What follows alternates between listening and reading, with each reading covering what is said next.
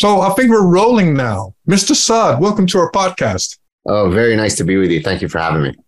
Yeah, I was just asking you, what is your uh, title really? Because I was I I've written down doctor in evolutionary psychology, but you were correcting me already. So maybe you can tell our audience uh, what your uh, degree really is. Well, it, it, certainly is that much of my scientific career has been in evolutionary psychology, and I, have done enough work in evolutionary psychology to have uh, many doctorates in evolutionary psychology.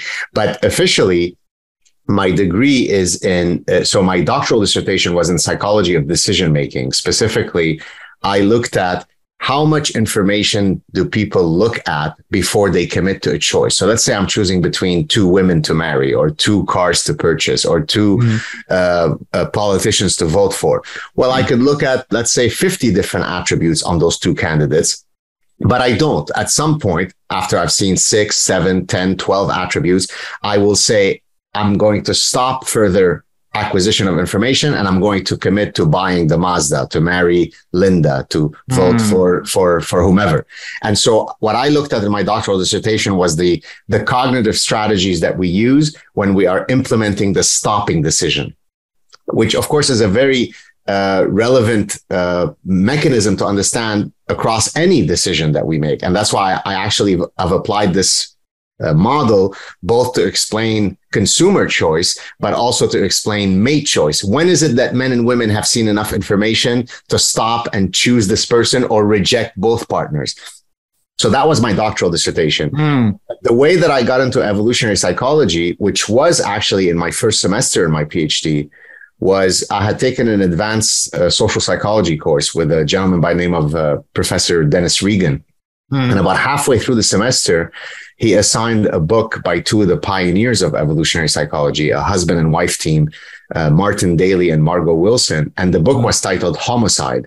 And that's the book that turned me into an evolutionary psychologist because in the book, they offered uh, the lens of evolutionary theory to explain patterns of criminality around the world across time periods. In other words, certain types of crime, whether it's 500 years ago, whether it's 500 years from now, whether it's in the Amazon jungle or it's in Detroit, Michigan, are going to happen for exactly the same reasons. And the reason, the, the, the reason why they're, it's the same reason that drives these is because of certain underpinning biological mechanisms. And so mm-hmm. that was really my epiphany uh, I decided that I would take this evolutionary framework and apply it to decision making and consumer choice. And so that's kind of the background of uh, my scientific training. Right, right. And that resulted in two excellent books, uh, namely The Consuming Instinct. I like, I love the subtitle. It's uh, very, it's very grabbing. Um, what Juicy Burgers, Ferraris, pornography, and gift giving reveal about human nature. Well, that's something I would like to discuss. Uh, and of course, your your last book, uh, is the parasitic mind, which I think is very relevant, which is about how infectious ideas are killing common sense. And that's something um, we've noticed in Holland as well. Uh, sense making is difficult nowadays. Um, and maybe we can speak to that a little as well.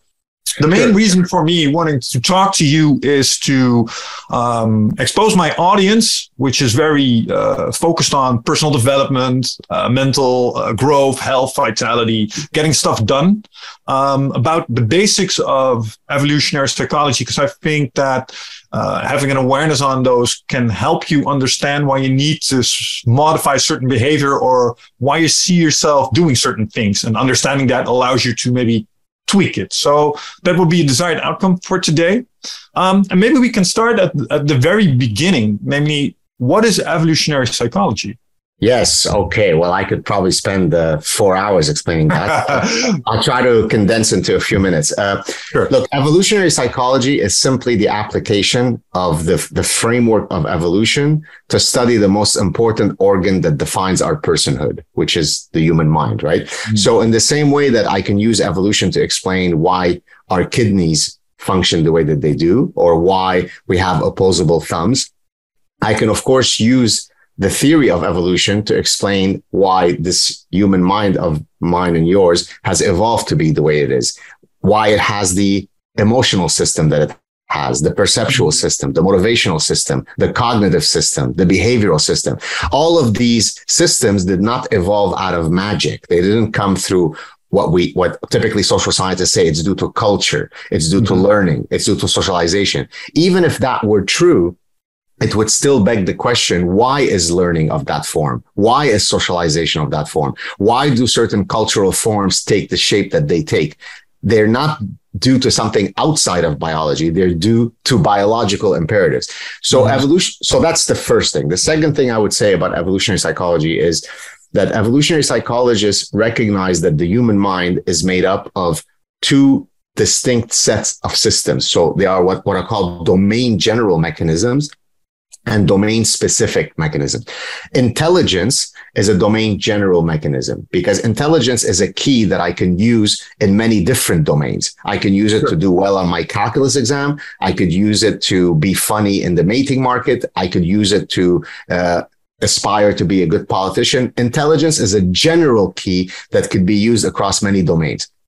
Domain specific mechanisms, though, is what evolutionary psychology adds to our understanding of the human mind. Because what a domain specific uh, computational system says is that in the same way that our pancreas and our liver and our heart have each evolved to solve specific problems, our the human mind is an amalgamation of computational systems each of which has evolved to solve a specific adaptive problem. So, for example, find mate, retain mate, avoid predators, build mm-hmm. coalitions, build friendships, invest in kin, avoid, uh, you know, uh, poisonous foods uh, or toxic foods. Each of these evolutionarily recurrent problems would have necessitated the evolution of specific computational systems that are exactly armed to solve that problem. And so this is why evolutionary psychologists talk about the human mind being like a Swiss army knife, because yes. That's a very apt metaphor because the Swiss army knife consists of different blades each of which is not transferable to another domain, right? The, the blade that takes out the cork from the wine bottle cannot be used to cut the camembert cheese. You have to use different blades for different purposes. So those are two of the fundamental tenets of EP. Maybe I'll add one more. Uh, many social scientists, most social scientists are what's called social constructivists. They think that everything due is to, to social construction, mm-hmm. which inherently means that the human mind, according to them, is tabula rasa, empty slate. We are born with empty minds. And it's only through the forces of socialization that we learn to prefer a certain type of man or a certain type of woman or certain mm. types of food. It's only socialization. There is no biological imperatives. And of course, evolutionary psychologists say, of course, socialization matters, but there are innate biological blueprints which we come to the world with so example, one quick example, and then I'll cede the floor back to you. Facial symmetry is, is an evolved marker of beauty that, of course, many people will say, well, that's just a, a, social construction. We just learn through advertisements to prefer these types of faces, which is, mm-hmm. of course, complete nonsense because those images exist in their form because they cater to innate preferences. Now, how would we demonstrate that something is an innate preference? Well, you could take children who are too young to be socialized. So by definition, they haven't yet reached the cognitive developmental stage to be socialized. And mm-hmm. we can show that those children already exhibit an innate preference for facial symmetry, for people who hold facially symmetric well, faces. And so therefore there are very, very clear and elegant ways to demonstrate that we are hardly tabula rasa. We are born into the world with certain biological imperatives. Hmm, interesting. Um, a, a, question I had about that, but I, I anticipated a little later, but maybe I can can jump to it.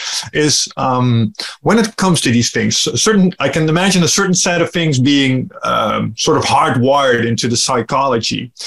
However, is there a thing? Uh, is there also a part of the, that sexual selection, uh, those markers, that is more fluid? For example, yes. that, that that changes over time. Certain things that used to be uh, things that would get you uh, a mate now aren't anymore, and other things will take those places? So changes over time is a separate question. Let me answer the first part of your question, which is sure. fluidity. So the, the, the fancy term would be behavioral plasticity, right? The idea is that we have evolved as an adaptation, the capacity to be adaptable in vivo, meaning for, so example, Uh, if you look at patterns of spice use around the world, right? So that would be a cultural trait, right? The Mexicans have spicy food. The Dutch don't have spicy food.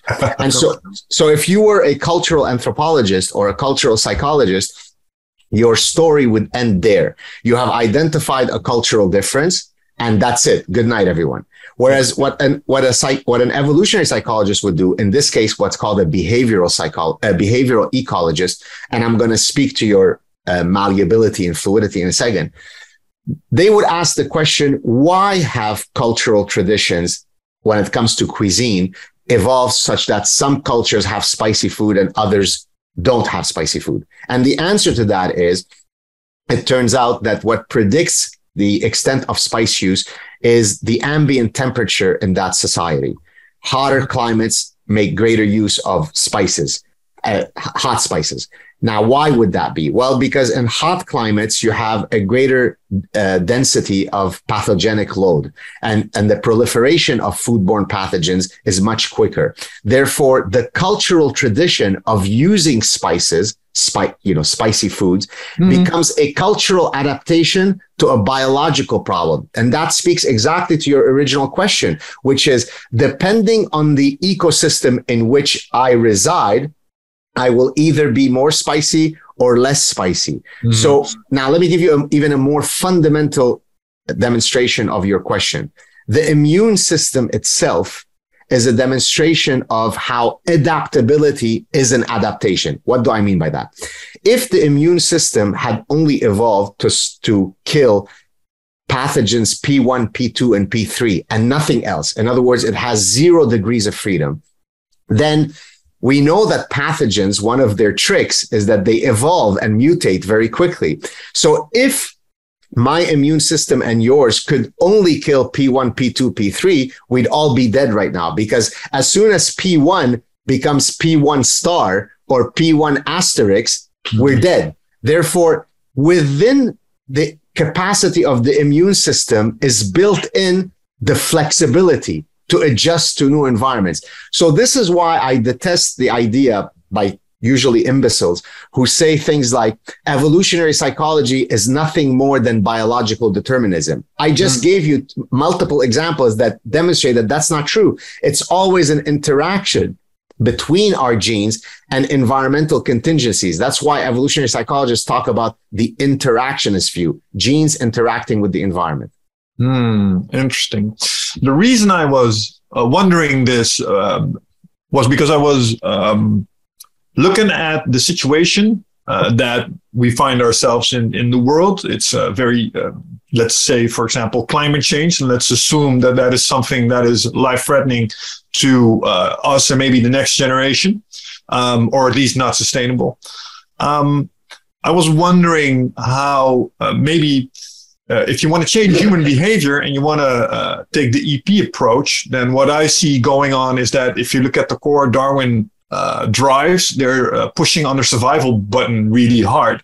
And I was wondering maybe we could do something else. Maybe we could push on the procreation button a little more. So if we could make being green or being sustainable something that could get you laid, I think that the effect would be greater. My question is, is it possible for a society to have those selection markers change to something that might serve the greater good in this regard? So is that something that actually happens or will we always be picking the macho dude with the Rolex and the big car?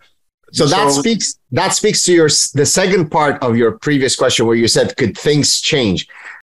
Hey eindbaas en luisteraar, dankjewel dat je zit te luisteren naar deze podcast. Ik onderbreek hem eventjes voor een hele belangrijke boodschap. Of misschien liever gezegd een uitnodiging. Want op 24, 25 en 26 mei, dan is er weer een nieuwe editie van Ride of Passage. Dat is mijn retreat voor persoonlijke ontwikkeling. En speciaal voor de mensen die op zoek zijn naar, ja, naar, helderheid. Of dat ze lastig bij hun gevoel kunnen komen. Dat ze moeilijke beslissingen moeten maken. En dat ze zo ontzettend in hun hoofd zitten ja, dat ze er eigenlijk gewoon niet meer goed uitkomen. Of dat ze misschien al heel lang in een, ja, een soort van oud gevoel zitten. Dat ze dat gevoel willen transformeren. Of misschien wil je gewoon een oud stuk achter je laten. Ergens een punt achter zetten. En ja, zoek je misschien heling op iets wat, wat je te lang hebt weggeduwd of, of hebt vermeden. Daarvoor wil ik je uitnodigen op 24, 25 en 26 mei om in een retreat mee te doen waar de inhoud van het programma geheim is. Waar de belofte is dat het oncomfortabel wordt. Want jij begrijpt als geen ander dat als je die volgende stap wilt maken, ja, dan zul je uit de comfortzone moeten komen. En ik garandeer je, laat mij dat proces begeleiden met jou voor drie dagen. En je leven zal daarna nooit meer hetzelfde zijn. Gemiddeld beoordelen de deelnemers het met een 9,2.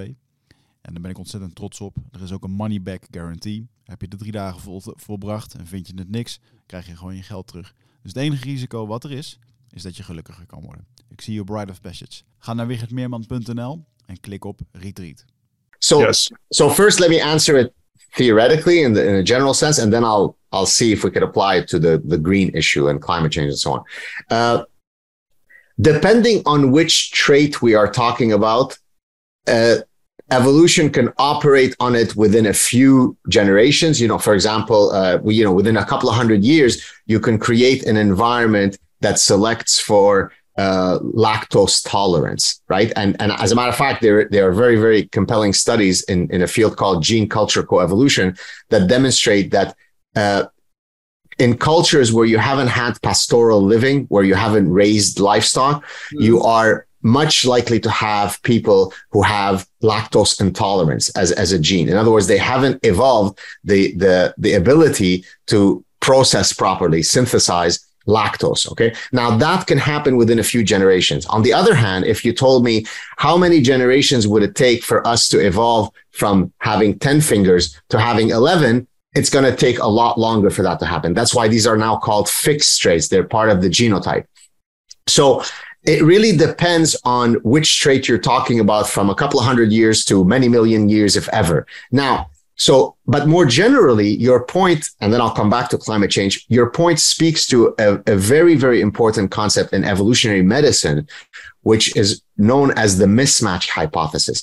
The mm-hmm. mismatch hypothesis refers to the fact that we are a product of adaptations that were optimal in our ancestral past if today the env- the modern environment is incongruent with that other environment, then we have a mismatch so that things that were adaptive then can become maladaptive today. And yet we don't have enough time to alter those things. It'll take selection pressures for another hundred thousand years before these things change. And the classic example of that is our taste buds. So my gustatory preference and yours are such that even though you and I might have different preferences, what I can almost guarantee is that we both prefer some version of a high calorie food to raw celery. I may prefer a juicy steak. You may prefer, uh, you know, a, a, a fatty chocolate mousse, but we both prefer some fatty thing over raw carrots. And that makes perfect evolutionary sense because the fundamental problem that all animals face, including the human animal, is not becoming someone's dinner and making sure to get dinner. And therefore, to the extent that we've evolved in an environment of caloric scarcity and caloric uncertainty, then your ancestors or minds, would have preferred to eat fatty foods than, you know, uh, tofu. But on the other hand, in today's environment where we have removed the caloric scarcity and caloric uncertainty environment, we now have a environment of plentitude. Well, then the top nine killers are related to that mismatch hypothesis, whether it be diabetes or heart mm-hmm. disease or colon cancer, uh, you know, the building of plaques in your arteries, as I mentioned, all of these are related to the incongruency between what was adaptive in our past and what is adaptive today. So that answers your question about, you know, can things change evolutionarily speaking? Now, how do we link it to climate change is itself a very interesting question. There is a paper that uh, this is not my paper, but that uh, this is probably maybe 10 years ago. I can't remember the exact date. Uh, the paper was titled uh, Green to be Seen, uh, which speaks to your point about I want to be green so I can get laid. Because in this case, what I'm doing is instead of engaging in, in status signaling, instead of me driving my Ferrari many times around the block so that the girls can see that I'm a, I'm a hot guy, I am going to show that I am super green and I hug trees and I have posters of Greta Thunberg in my in my bedroom because then I'm super I'm super green, right? So there is certainly research that shows that to some extent the markers of status can change across time periods or across cultures, right? In, in our culture, it might be if I have an Ivy League degree or how many zeros I have in my bank. For the mm-hmm. Hadza tribe in Africa, it might be how many uh, heads of cattle they own. So while the markers of status may change across time and space, what doesn't change is that status is a much more important driver of behavior for men than it is for women. That hasn't changed. And I suspect it won't change anytime in the future. Hmm. So if you would want to solve the puzzle of changing behavior in that regard, that being more green should raise your status in ev- everyone's eyes. So society should start holding those values in higher regard, and then it would start having an effect on behavior. All, I, yes, I, in, in an abstract sense, yes. Although I suspect that in the deep recesses of their sexual fantasies, women don't typically say, my goodness, if I could only be with a guy who cries when he watches Bridget Jones' Diary and he's sure. got a foulard and he really cares about the tree. Now, by the way, I'm not I'm not denigrating the fact that we have to be uh, uh, you know uh, caring for the for the environment, but what I'm saying is that the prototype of what is desired in a man, it'll take a long time before women are driven to sexual frenzy because a guy is exhibiting great love for a salamander that's about to go extinct. That won't. Sure. Happen. Yeah. No, I think I was thinking more along the lumberjack hunter uh, uh, lines myself when I was talking about this. So having a certain awareness, but I, I see what you're uh, what you're going for, and what you're saying is that these um, selection criteria are so deeply embedded um, that it's very hard to override those, or at least that will take a lot of time. Um, exactly. Yeah. All right. Um, I have a question about that, by the way. Um, sure. Do you think it's smart that we're losing, or no? Um, uh, let me preface that with another question. Am I right in assuming that it seems that there's a certain pressure on those uh, things that we used to select for? So toxic masculinity is a thing right now, um, but I have a sense that it's still important. So, like you said, symmetry, uh, signals of testosterone are something that are still important in that selection, although there seems to be sort of a taboo on it right now. Am I correct in that? Uh, so I actually wrote an article. I can't remember exactly when, maybe three years ago, and your your listeners and viewers can go and check it out. Uh, mm-hmm. uh, I have a Psychology Today column, which I haven't written much in it recently, although uh, I've got over 300 articles that I've uh, written over the years in, in that column. One of them, one of the more recent ones, maybe three or four years ago, it was a article that I wrote. Uh, I think it was titled "Is Toxic Masculinity a Valid uh, Concept?" And what I was arguing there is that well, first of all, it's not a, it's not usually a good idea in a sexually reproducing species involving two phenotypes, male and female, to pathologize half of that species, right? So, so it has now become inherently toxic, pathological to be masculine. Now, yes, of course, men are more likely to commit crime. Men are more likely to fight in wars, but also there are you know the opposite side of the coin is that many of the great things that have happened in society are are due to that quote toxic masculinity. The reality is that women don't fantasize about a guy who's toxic masculine in the sense that you know he beats you with, with the head over thing and he, he drags you to the cave. That's not what we're looking for. We are looking for a guy who is kind who is sensitive but who is strategic in in in to whom he he meets that kindness, right? So, so he should go out into the world and be very brawny and be very dominant and ascend the social hierarchy, but while also being loving and kind and altruistic to those that he loves. So nobody is saying that women fantasize over, you know, psychopathic, you know, cavemen, but they certainly, the reason why, you know, the, the many of the key archetypes that, you know, we think about in female fantasy, the, the you know, the, the firefighter and the, the guy in the military suit, the reason why we fantasize over those if we're women is precisely because they are exhibiting those cues that some feminists will argue are toxic masculinity, whereas other women call it that's my fantasy, right? So, so I think it's a combination of things. It's I should be brawny, I should be intelligent, I should be socially dominant, but of course I should be kind. Hmm. And from an EP standpoint, why are these traits desirable? Uh, largely because they highly correlate with my capacity to obtain and defend resources. Now, resources doesn't necessarily just mean money. It, it, it mm. means ascending whatever are the metrics for ascending the social hierarchy. So, for example, there's never been a woman who had, or, or let's say a culture where women have consistently said the following. Here is what drives me into sexual frenzy. If a guy has a nasally voice, if he is if he is if he has an hourglass figure if he whines and cries all day if he plays video games in mom's basement if he has no chance of ever having a job because he's got zero ambition my god please sign me up for this guy. I'm ready to have passionate animalistic sex with him right now right? So but what when but but but picasso who was not physically attractive he was a short little guy. He was a balding guy. He wasn't very, you know, physically dominant, but he was Picasso. He had a unique artistic ability. He had huge social status because he was this great painter. Well, mm-hmm. guess what? There was a gigantic orderly queue of women waiting patiently to have sex with him. Had he not been Picasso, not a single one of those women would have given him a second of their time. So the reason why we go after those quote masculine traits is because men around the world seek certain traits in women. It's universal. Women around the world seek certain traits in, in men, and that's universal. And to the extent that those quote toxic masculine traits are desired by women, we're never going to select them out of our preferences. Mm-hmm. Yeah, I'm afraid so too. Uh, we once had uh, a guest in our studio. Perhaps you know him, uh, Mark van Vugt. He's uh, yes, I do. I do. Yeah, he wrote the book Mismatch, um, and he jokingly said, and this is something I would like to verify because it sounds so cynical. But he said, like everything you do is sexual selection. Like everything you do is sexual selection.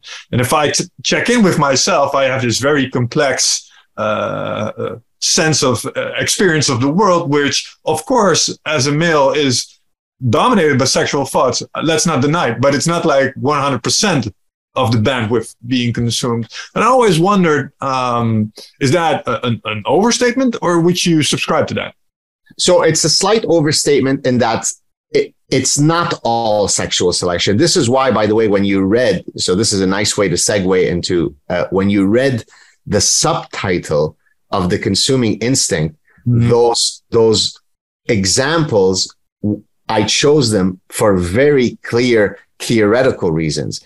And so this is going to answer your question about sexual selection. So if you remember in, in the subtitle is what juicy burgers, pornography, uh, uh, uh, Ferraris and gift giving reveal about human nature, right? Mm-hmm. Now, each of those examples speak to what I refer to as a basal Darwinian module. So one module is the survival module. That's the juicy burgers, right? So there are all sorts of things that we do, not only as consumers, just as human beings in general, that map very nicely to natural selection, right? So the, the instinct to survive. Then there is the Ferrari, uh, and the pornography speak exactly to what Mark was mentioning that it relates to in some form or another to a sexual selection, hmm. the mating drive. But then there are two other uh, fundamental uh, modules that I speak of. One is called kin selection, and one is called reciprocal altruism. So, kin selection is the mechanism that explains altruistic acts bet- uh, between kin. So, mm-hmm. why would I jump into the river and save three of my children at the risk of me dying? If, if evolution only cared about the survival of the singular organism, as originally Darwin thought, then then there is no reason for me to ever evolve kin-based altruism. But if we recognize that the unit of selection is at the gene level, then it makes perfect evolutionary sense for me to potentially die in the service of saving three of my children with whom I share on average half of my genes. So kin selection is another fundamental driver of human behavior. In the case of consumer behavior, I use it to explain, for example, patterns of gift giving.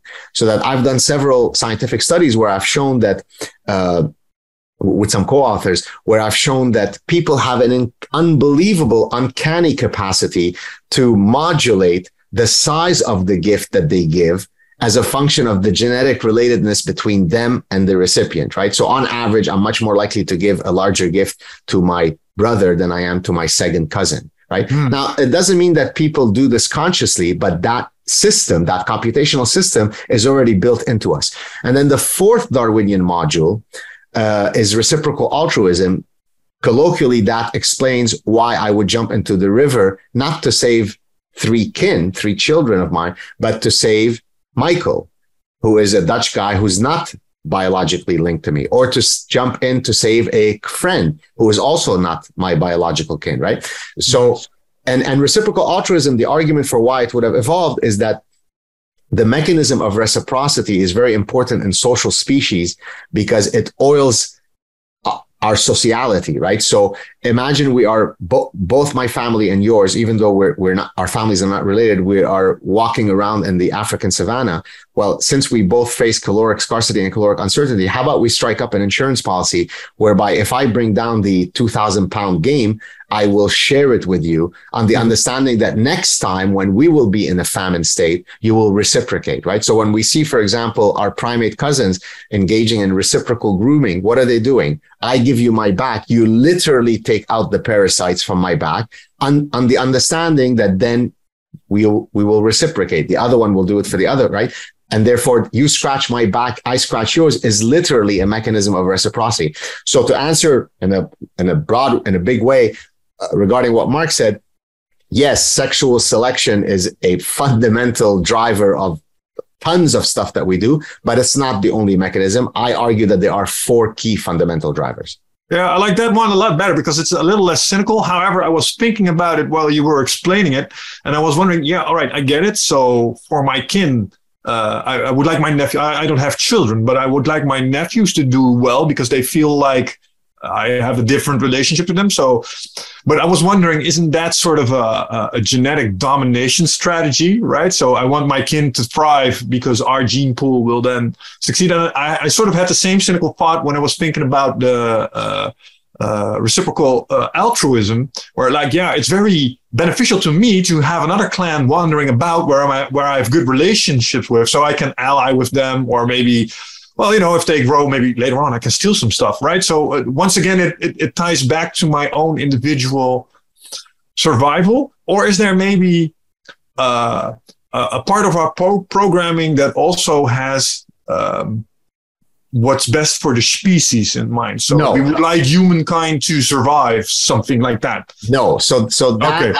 uh, the, the, the the the key proponent of the for the for the good of the species argument uh, was a gentleman by name of Wynne-Edwards, and that you know he was pretty much the last guy to propose that. Because again the the unit of selection for the for evolution is the gene. There is no built-in mechanism that says i'm doing this for the good of the species. As a matter of fact even if you bring it down below group of uh, below the species level even the argument that this we, i am doing this for the good of my group which is known as group selectionism is an idea that most evolutionary psychologists reject. The the current the living uh, strongest proponent for that mechanism group selectionism is a gentleman by the name of david sloan wilson. He's an evolutionary biologist at uh, binghamton university in new york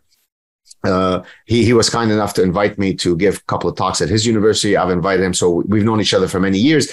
But most evolutionists argue that you only need the eye of the gene in order to be able to explain all phenomena. You don't need to take it to higher levels of selection, mm. whether it be the group or the species. Uh, does that answer your question? Yeah, a little, but um, I don't know if I like it because it's it's sort of a, a well, it's very, very realistic, uh, almost morbidly so, um, because I was hoping for a little bit of more nobility in our uh, no in, our psyche, and this goes back to some someone you all also know. We also interviewed uh, Mr. Peterson, and yes. what I like about what, what Jordan says is he has this whole thing about uh, the hero's journey and the and the mono myth, which is like our most holy pattern, uh, which which he relates to EP. So, uh, are you familiar with this? I mean, look, I, I, am I'm, I'm aware.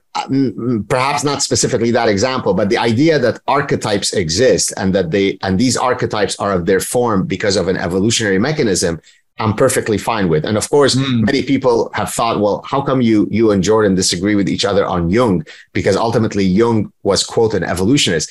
The the only, the problem with Jung, other than the fact that he's got also a whole bunch of bullshit that's in the occult and mysticism and so on, that's completely not founded in any science. And mm. as, as a as a, a rational scientist, I, I can't sign up for that.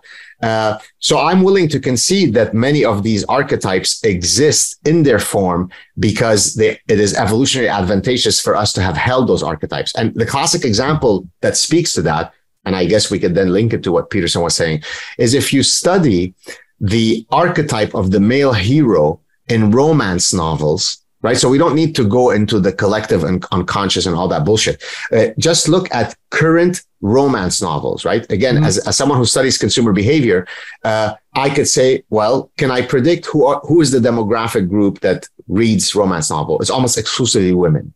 Well, here's another thing I could tell you is that in every single romance novel that's ever been written, the male hero is the exact same guy. It's as if they plagiarized that one guy. The guy is a prince Literally, he's royalty. He's also a neurosurgeon. He's also tall. He's also very brash and socially dominant. He also wrestles alligators on his six pack and, and kills the alligator by biting him. But he's very gentle and loving to that one female heroine. I just yeah. described every single male hero that's ever been written in every romance novel in the history of romance novels. Okay. Well, so that archetype exists precisely for what we talked about earlier, which is fantasies, sexual fantasies exist in their form, have a certain universal pattern because they map onto certain evolutionary preferences. But I don't think there is anything that, you know, there is. A, so you're thinking that if you d- describe everything the way that I am, it becomes cynical. You lose mm-hmm. some magical element. Evolution doesn't care about uh, sweet stuff. Evolution is simply an incredibly elegant engineering so- solution to evolutionary relevant problems. So of course, human beings are noble or can be noble and can be altruistic and can be heroic. But those traits would not have evolved were it not evolutionarily advantageous for them to evolve. Exactly. Exactly. and I'll, I'll, just mention one other thing. Uh, Maimonides, who's a very famous Jewish philosopher who was also a rabbi and who was the physician to the Sultan, uh, close to a thousand years ago. Uh, I talk about this actually in this book right here, the, my first book, The Evolutionary Bases of Consumption, which was the, the original academic book where I I, I, I developed the field of evolutionary consumer psychology. Mm-hmm. Uh, I talk in there about uh, a, a, framework that Maimonides had proposed nearly a thousand years ago. It's going to speak to your idea of cynicism versus nobility. So Maimonides talked about eight levels of tzedakah. Tzedakah is a Hebrew word that means piety or charity or this pure altruism. Mm-hmm. And he said that there are eight levels of this tzedakah, the highest level of which, which is very, very rare to find. So I'm sorry to now hit you with some more cynicism.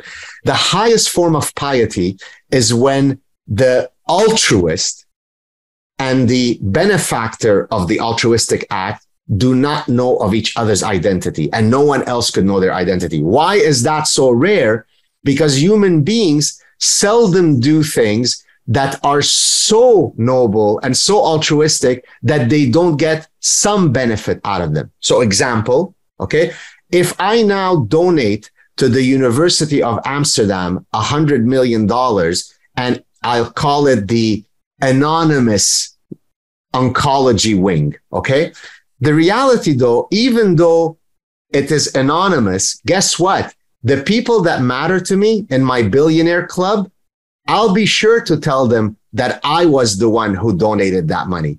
Mm. So therefore, Maimonides, even a thousand years ago, even though he wasn't couched in the language of evolutionary psychology, was himself a Darwinian being who understood that even as a rabbi, right? So he is certainly steeped in the religious narrative. He recognized that human beings will seldom do things if they, if it doesn't confer them some advantage.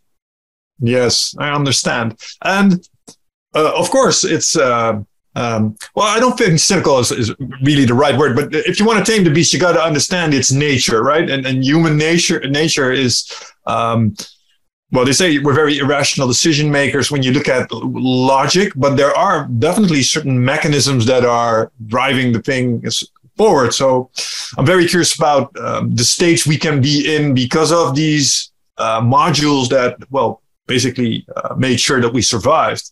Um, I always find it funny that our uh, our body, our brain, our physiology hasn't really accepted the fridge yet. Right. so the, the, the fact that we still store fat is uh, actually kind of funny, but it takes so long. So it's it's good to be aware of these things. Um, you already spoke a little about the Savannah principle, um, and if I look at uh, people that listen to our podcast, a thing they're dealing with a lot uh, in trying to live their life is stress. Obviously, everybody uh, has to deal with stress. But I think that if the average listener did a little uh, checking in with themselves, they would conclude that like maybe 90% of the times you're stressed out about something. This is because you fear someone's evaluation. So there's a fear of negative evaluation going on, which ties in straight back to that Savannah principle. Maybe you could explain that a little so we can maybe understand it better and maybe not give into it so much. Yeah. So uh, I guess uh, I will link the discussion on stress to something in my forthcoming book. And I'm not doing so to artificially promote the book. It's still a couple of months before it comes out.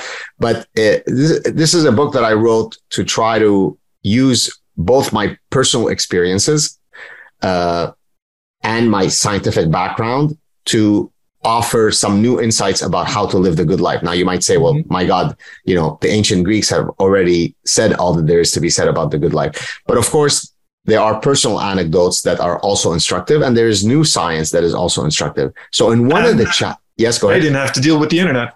and they have to, they, exactly. They didn't have Twitter nudging you every two seconds. Exactly. uh, so in one of the chapters, I specifically address stress. So to your point, uh, so in one of the chapters, I talk about the fact that everything in life, I mean, literally, I don't think there is a more powerful law in nature than the inverted U. The inverted U is simply the, the mathematical, you know, uh, curve of what the ancient Greeks had already said, everything in moderation, right? So Aristotle, and, and I'm going to come to stress in a 2nd mm-hmm. Go with me on the journey. Okay. Sure. Aristotle had said that uh, in, in, in, his argument uh, uh, in his ethics uh, treatise, he talked about the golden mean. The idea being that, for example, a soldier who is cowardly is a bad thing. The soldier who is so reckless in his courage that he's going to get killed in five seconds is not a good thing. There is mm-hmm. some golden mean. So, and now the reason why it's called the inverted U is because too little of something is not good too much of something is not good and somewhere in the in the middle is the optimal response so for mm. example when you're talking about since you guys deal with well-being. When you're talking about exercise uh, intensity it turns out that there's tons of research that shows that you know too little intensity is not good too much intensity in exercise is not good somewhere in the middle is it now let's bring it to stress.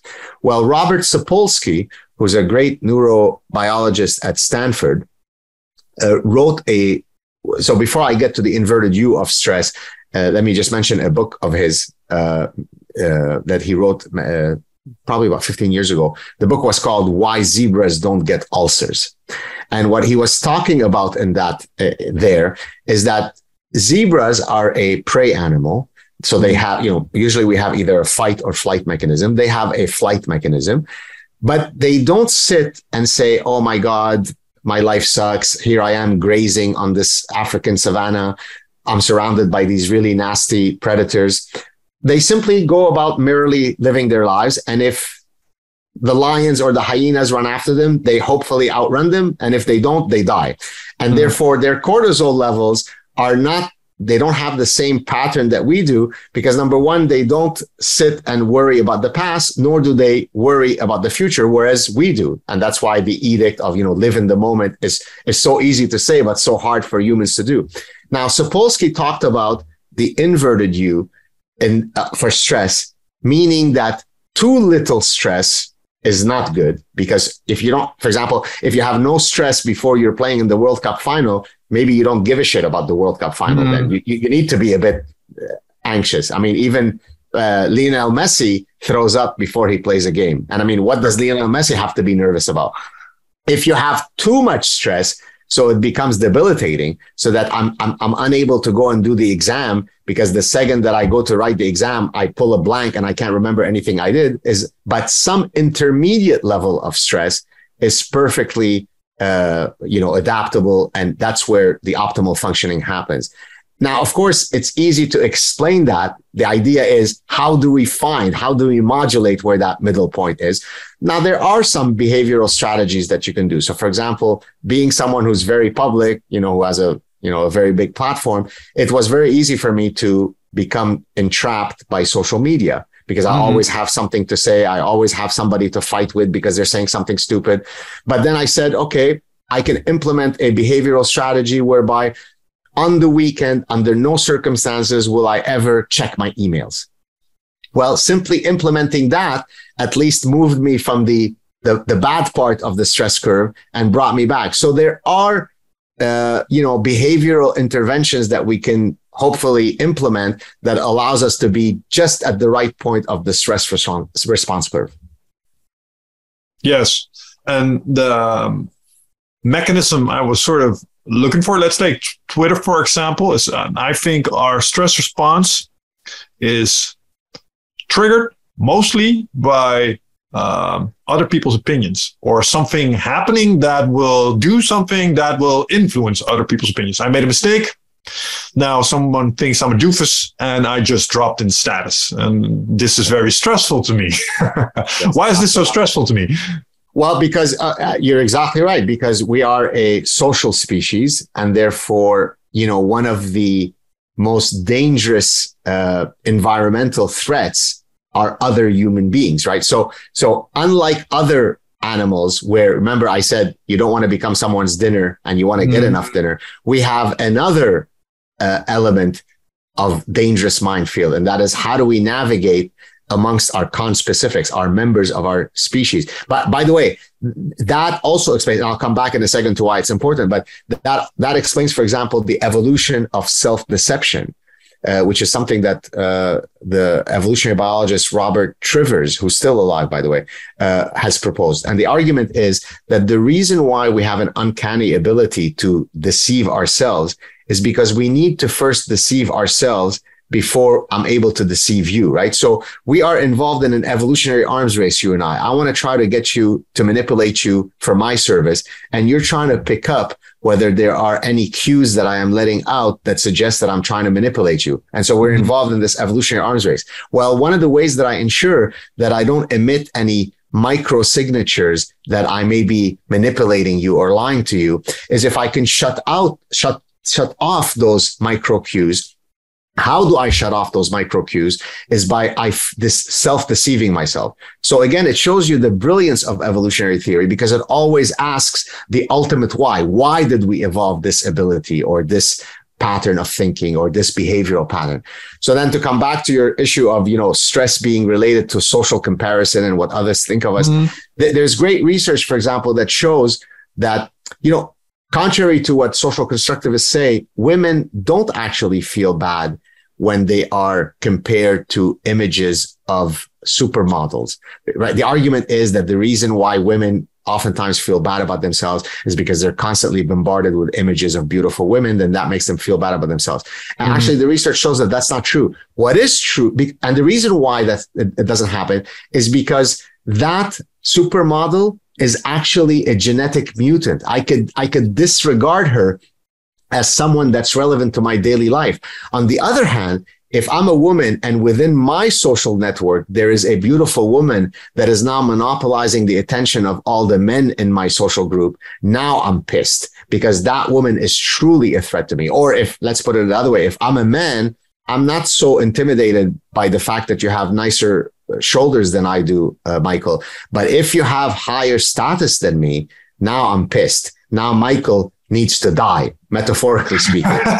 And so, so of course, everything that we do is driven by these social comparisons. And I'll give you another great example, actually, from my own research. So I did research with one of my former doctoral students, published in an economics journal, where we looked at the following two scenarios. It's going to speak exactly to your social comparison mechanism and how that causes mm. us stress. If I tell you uh, one of two scenarios, I'm going to give you a $500, you know, weekly salary increase, and I'm going to give your your coworker a $500 salary increase. So you both get $500. Or I'm going to give you a $600 increase and I'm going to give your co-auth, co co-worker an $800 increase. Now, from a strict axiom of rational choice, as economists would think, people should pick the $600 one because $600 is more money in my pocket than $500. And therefore, using the axiom of income maximization, I should prefer the 600 and 800. But of course, people don't choose that.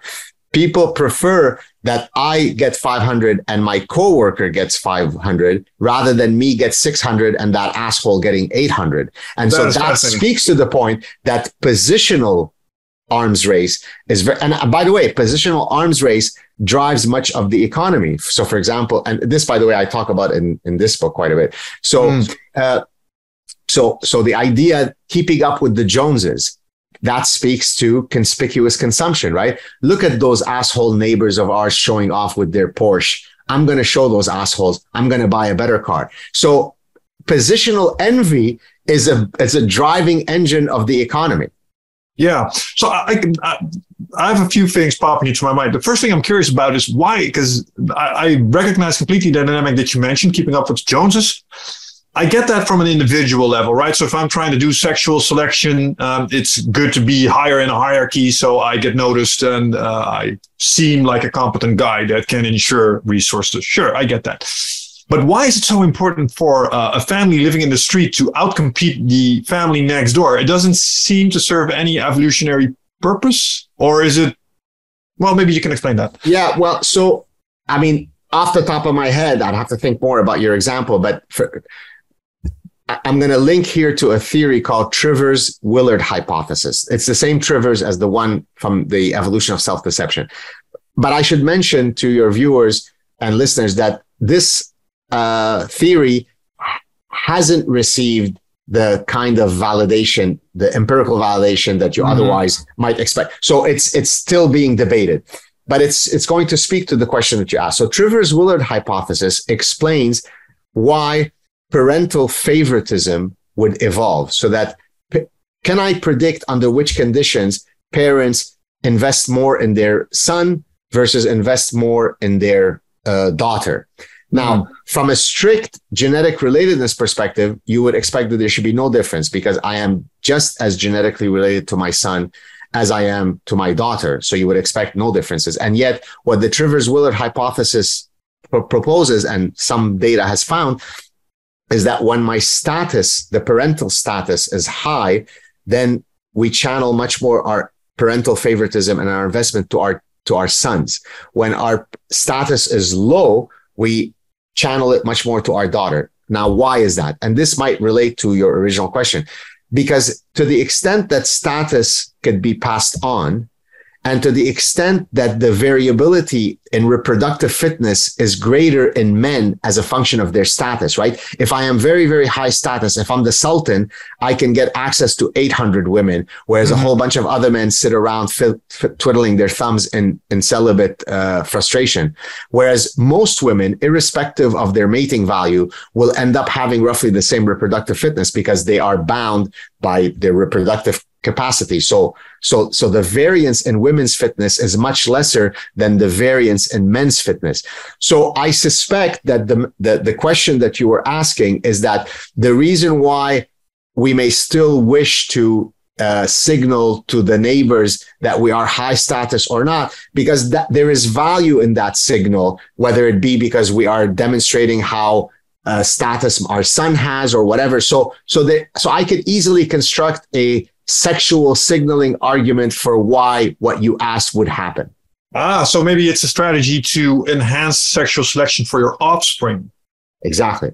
Ah, exactly. right. And right. in a sense, by the way, and there and and uh, to to that point, the, when you so in many in many societies you are uh, uh, passing on the mate choice in an arranged marriage to the parents, right? So it's no longer the individual who is choosing whom he's whom he or she is going to marry, but it's the but even that, to your point, is simply moving the evolutionary mechanisms from the people who are getting married to their parents. All, that's all you're doing, right? No, nothing else is changing, right? So the mm. parents are not saying if they have a daughter, we would love for her.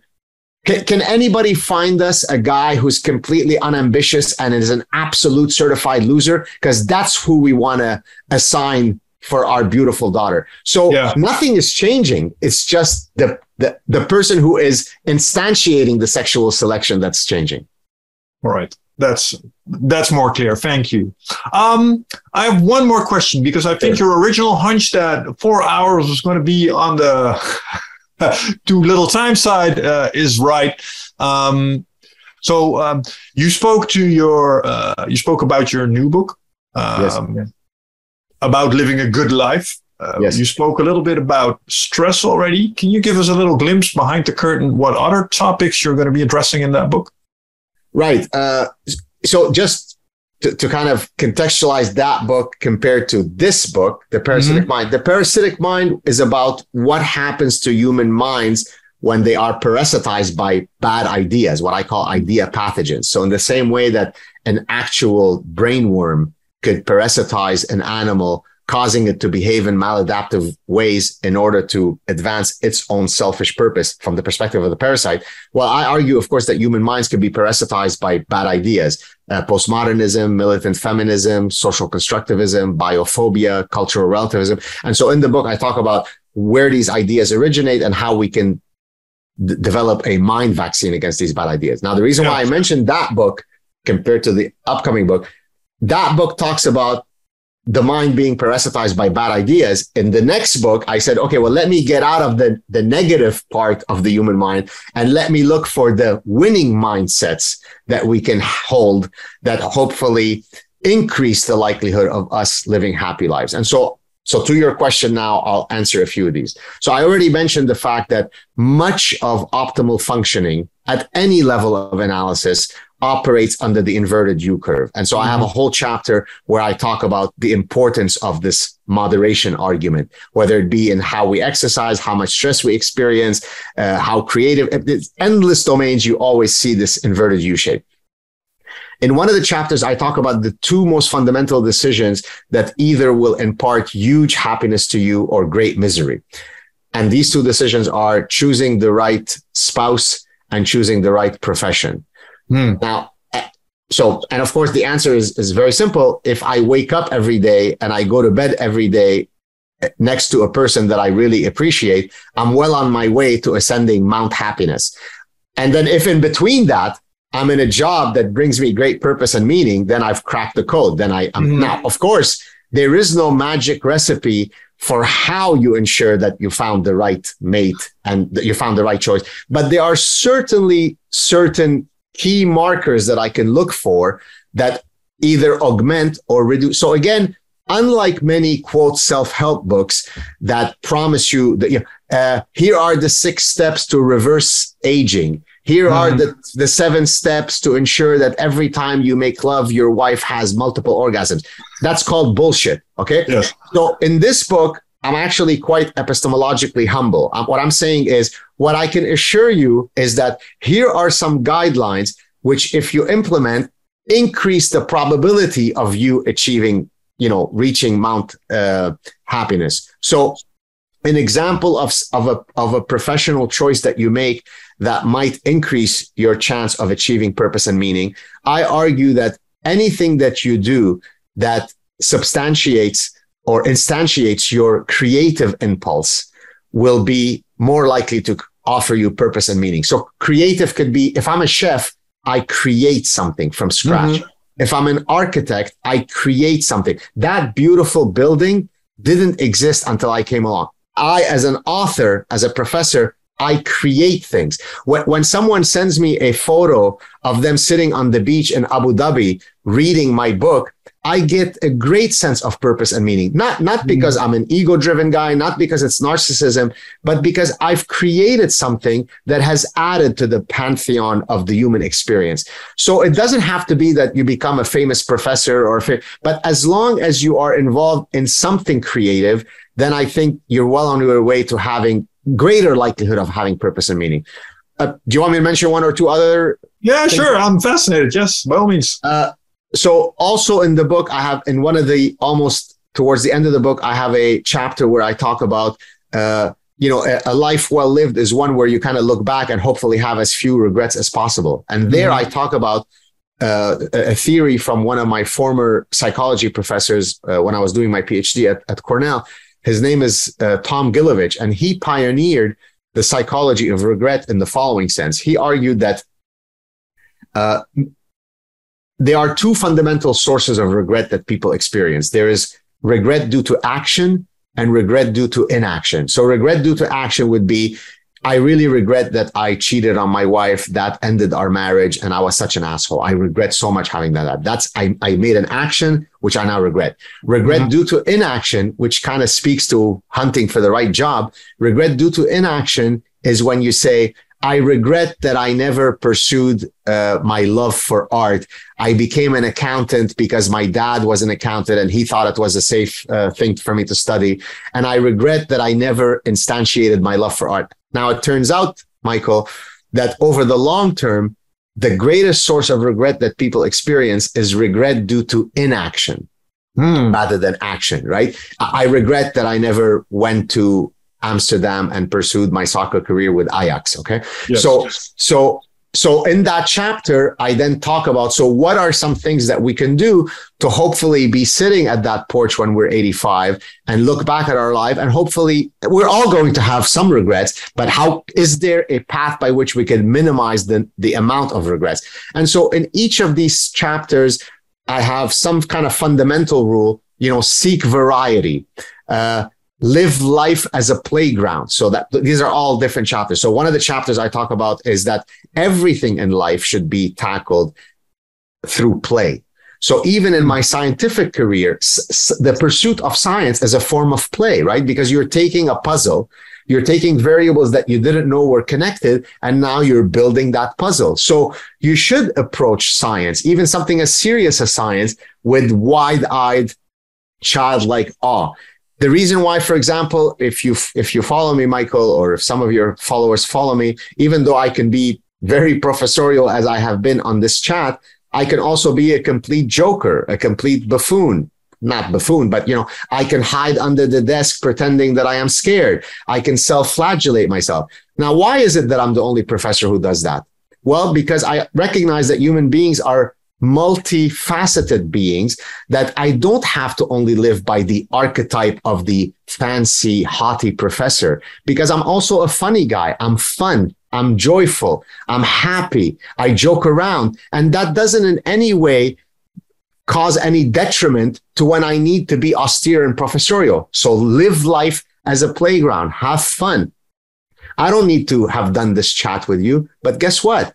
I was enriched by it. I met a new person. Maybe some people in the Netherlands are going to find out about some of the cool things that I do. So I approach every single situation without any careerist impulse, but rather with just life is an oyster, get out there, have fun. And so I go through the whole book and hopefully it will be a huge success.